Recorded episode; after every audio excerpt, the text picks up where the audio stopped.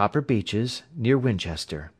Dear Miss Hunter, Miss Stoper has very kindly given me your address, and I write from here to ask whether you have reconsidered your decision. My wife is very anxious that you should come, for she has been much attracted by my description of you. We are willing to give thirty pounds a quarter, or one hundred and twenty pounds a year, so as to recompense you for any little inconvenience which our fads may cause you. They are not very exacting, after all. My wife is fond of a particular shade of electric blue, and would like you to wear such a dress indoors in the morning. You need not, however, go to the expense of purchasing one, as we have one belonging to my dear daughter Alice, now in Philadelphia, which would, I should think, fit you very well. Then, as to sitting here or there, or amusing yourself in any manner indicated, that need cause you no inconvenience. As regards your hair, it is no doubt a pity, especially as I could not help remarking its beauty during our short interview, but I am afraid that I must remain firm upon this point, and I only hope that the increased salary may recompense you for the loss.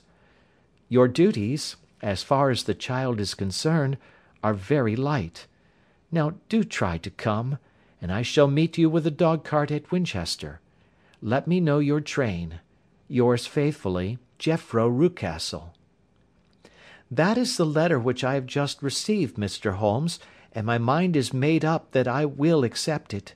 I thought, however, that before taking the final step I should like to submit the whole matter to your consideration. "Well, Miss Hunter, if your mind is made up, that settles the question," said Holmes, smiling. "But you would not advise me to refuse?" "I confess that it is not the situation which I should like to see a sister of mine apply for." "What is the meaning of it all, Mr. Holmes?" "Ah! I have no data. I cannot tell. Perhaps you have yourself formed some opinion?" "Well? There seems to me to be only one possible solution. Mr. Rucastle seemed to be a very kind, good natured man.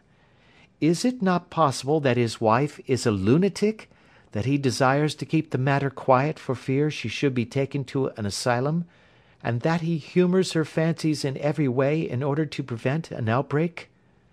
"That is a possible solution.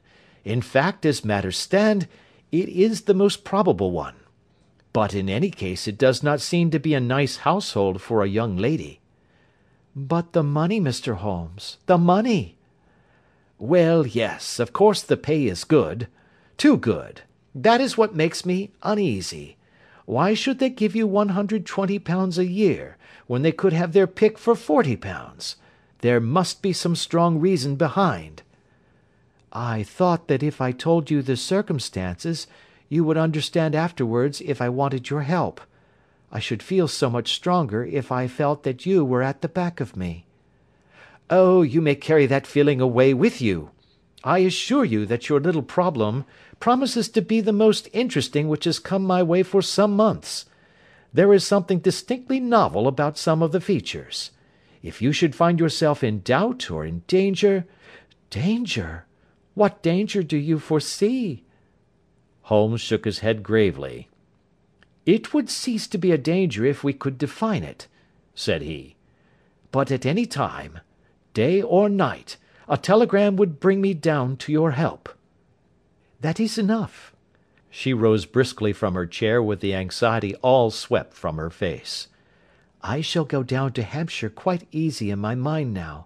I shall write to Mr. Rucastle at once, sacrifice my poor hair to night and start for Winchester to morrow." With a few grateful words to Holmes, she bade us both good night and bustled off upon her way. "At least," said I, as we heard her quick, firm steps descending the stairs, "she seems to be a young lady who is very well able to take care of herself." "And she would need to be," said Holmes gravely. "I am much mistaken if we do not hear from her before many days are past." It was not very long before my friend's prediction was fulfilled. A fortnight went by, during which I frequently found my thoughts turning in her direction, and wondering what strange side alley of human experience this lonely woman had strayed into.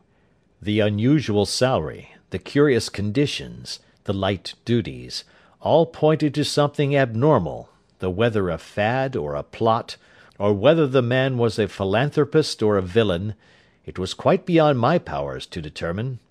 As to Holmes, I observed that he sat frequently for half an hour on end, with knitted brows and an abstracted air, but he swept the matter away with a wave of his hand when I mentioned it. "Data, data, data!"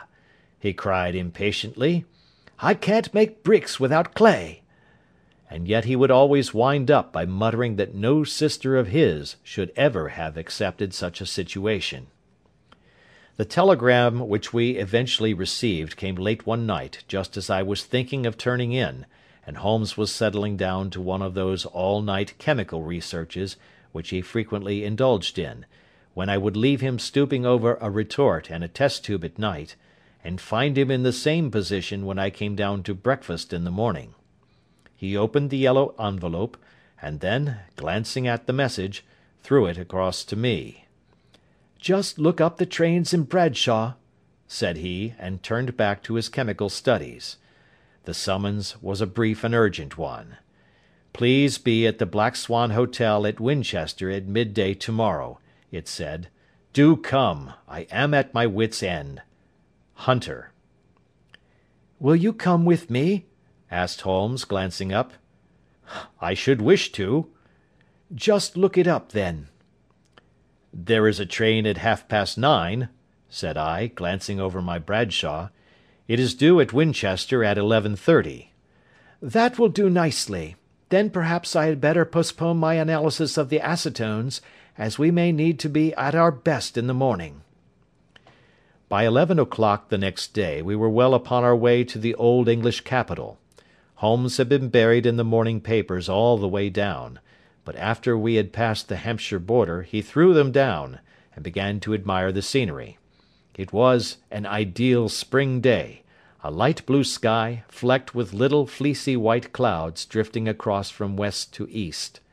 The sun was shining very brightly, and yet there was an exhilarating nip in the air, which set an edge to a man's energy. All over the countryside, away to the rolling hills around Aldershot, the little red and grey roofs of the farmsteadings peeped out from amid the light green of the new foliage. "Are they not fresh and beautiful?" I cried with all the enthusiasm of a man fresh from the fogs of Baker Street. But Holmes shook his head gravely. "Do you know, Watson," said he, "that it is one of the curses of a mind with a turn like mine that I must look at everything with reference to my own special subject. You look at these scattered houses, and you are impressed by their beauty. I look at them, and the only thought which comes to me is a feeling of their isolation, and of the impunity with which crime may be committed there." "Good heavens!" I cried. "Who would associate crime with these dear old homesteads?" "They always fill me with a certain horror. It is my belief, Watson, founded upon my experience that the lowest and vilest alleys in London do not present a more dreadful record of sin than does the smiling and beautiful countryside." "You horrify me!" "But the reason is very obvious. The pressure of public opinion can do in the town what the law cannot accomplish. There is no lane so vile that the scream of a tortured child, or the thud of a drunkard's blow, does not beget sympathy and indignation among the neighbours and then the whole machinery of justice is ever so close that a word of complaint can set it going, and there is but a step between the crime and the dock. But look at these lonely houses, each in its own fields, filled for the most part with poor ignorant folk who know little of the law. Think of the deeds of hellish cruelty, the hidden wickedness which may go on, year in, year out, in such places, and none the wiser. Had this lady who appeals to us for help gone to live in Winchester, I should never have had a fear for her. It is the five miles of country which makes the danger. Still, it is clear that she is not personally threatened." "No. If she can come to Winchester to meet us, she can get away." Quite so. She has her freedom. What can be the matter, then? Can you suggest no explanation? I have devised seven separate explanations, each of which would cover the facts as far as we know them. But which of these is correct can only be determined by the fresh information which we shall no doubt find waiting for us. Well, there is the tower of the cathedral, and we shall soon learn all that Miss Hunter has to tell. The Black Swan is an inn of repute in the High Street, at no distance from the station, and there we found the young lady waiting for us. She had engaged a sitting room, and our lunch awaited us upon the table. "I am so delighted that you have come," she said earnestly. "It is so very kind of you both. But indeed I do not know what I should do. Your advice will be altogether invaluable to me." "Pray tell us what has happened to you." "I will do so, and I must be quick, for I have promised Mr. Rucastle to be back before three. I got his leave to come into town this morning, though he little knew for what purpose. Let us have everything in its due order." Holmes thrust his long thin legs out towards the fire, and composed himself to listen. "In the first place, I may say that I have met, on the whole, with no actual ill treatment from Mr. and Mrs. Rucastle. It is only fair to them to say that. But I cannot understand them, and I am not easy in my mind about them." "What can you not understand?" their reasons for their conduct. But you shall have it all just as it occurred. When I came down, Mr. Rucastle met me here and drove me in his dog cart to the Copper Beeches. It is, as he said, beautifully situated, but it is not beautiful in itself, for it is a large square block of a house, whitewashed, but all stained and streaked with damp and bad weather. There are grounds round it, woods on three sides, and on the fourth a field which slopes down to the Southampton high road, which curves past about a hundred yards from the front door. This ground in front belongs to the house, but the woods all round are part of Lord Southerton's preserves. A clump of copper beeches immediately in front of the hall door has given its name to the place. I was driven over by my employer, who was as amiable as ever, and was introduced by him that evening to his wife and the child. There was no truth, Mr. Holmes, in the conjecture which seemed to us to be probable in your rooms at Baker Street. Mrs. Rucastle is not mad. I found her to be a silent, pale faced woman, much younger than her husband, not more than thirty, I should think, while he can hardly be less than forty five. From their conversation I have gathered that they have been married about seven years, that he was a widower, and that his only child by the first wife was the daughter who has gone to Philadelphia. Mr. Rucastle told me in private that the reason why she had left them was that she had an unreasoning aversion to her stepmother. As the daughter could not have been less than twenty, I can quite imagine that her position must have been uncomfortable with her father's young wife. Mrs. Rucastle seemed to me to be colourless in mind as well as in feature. She impressed me neither favourably nor the reverse. She was a nonentity. It was easy to see that she was passionately devoted both to her husband and to her little son.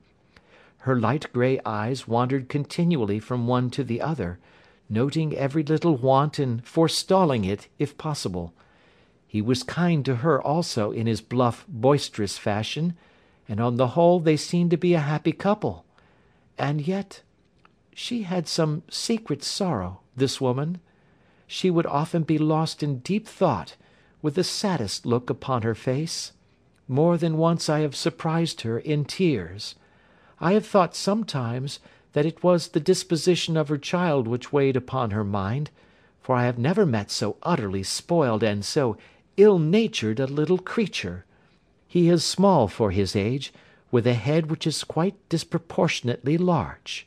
His whole life appears to be spent in an alternation between savage fits of passion and gloomy intervals of sulking. Giving pain to any creature weaker than himself seems to be his one idea of amusement, and he shows quite remarkable talent in planning the capture of mice, little birds, and insects. But I would rather not talk about the creature, Mr. Holmes, and indeed he has little to do with my story.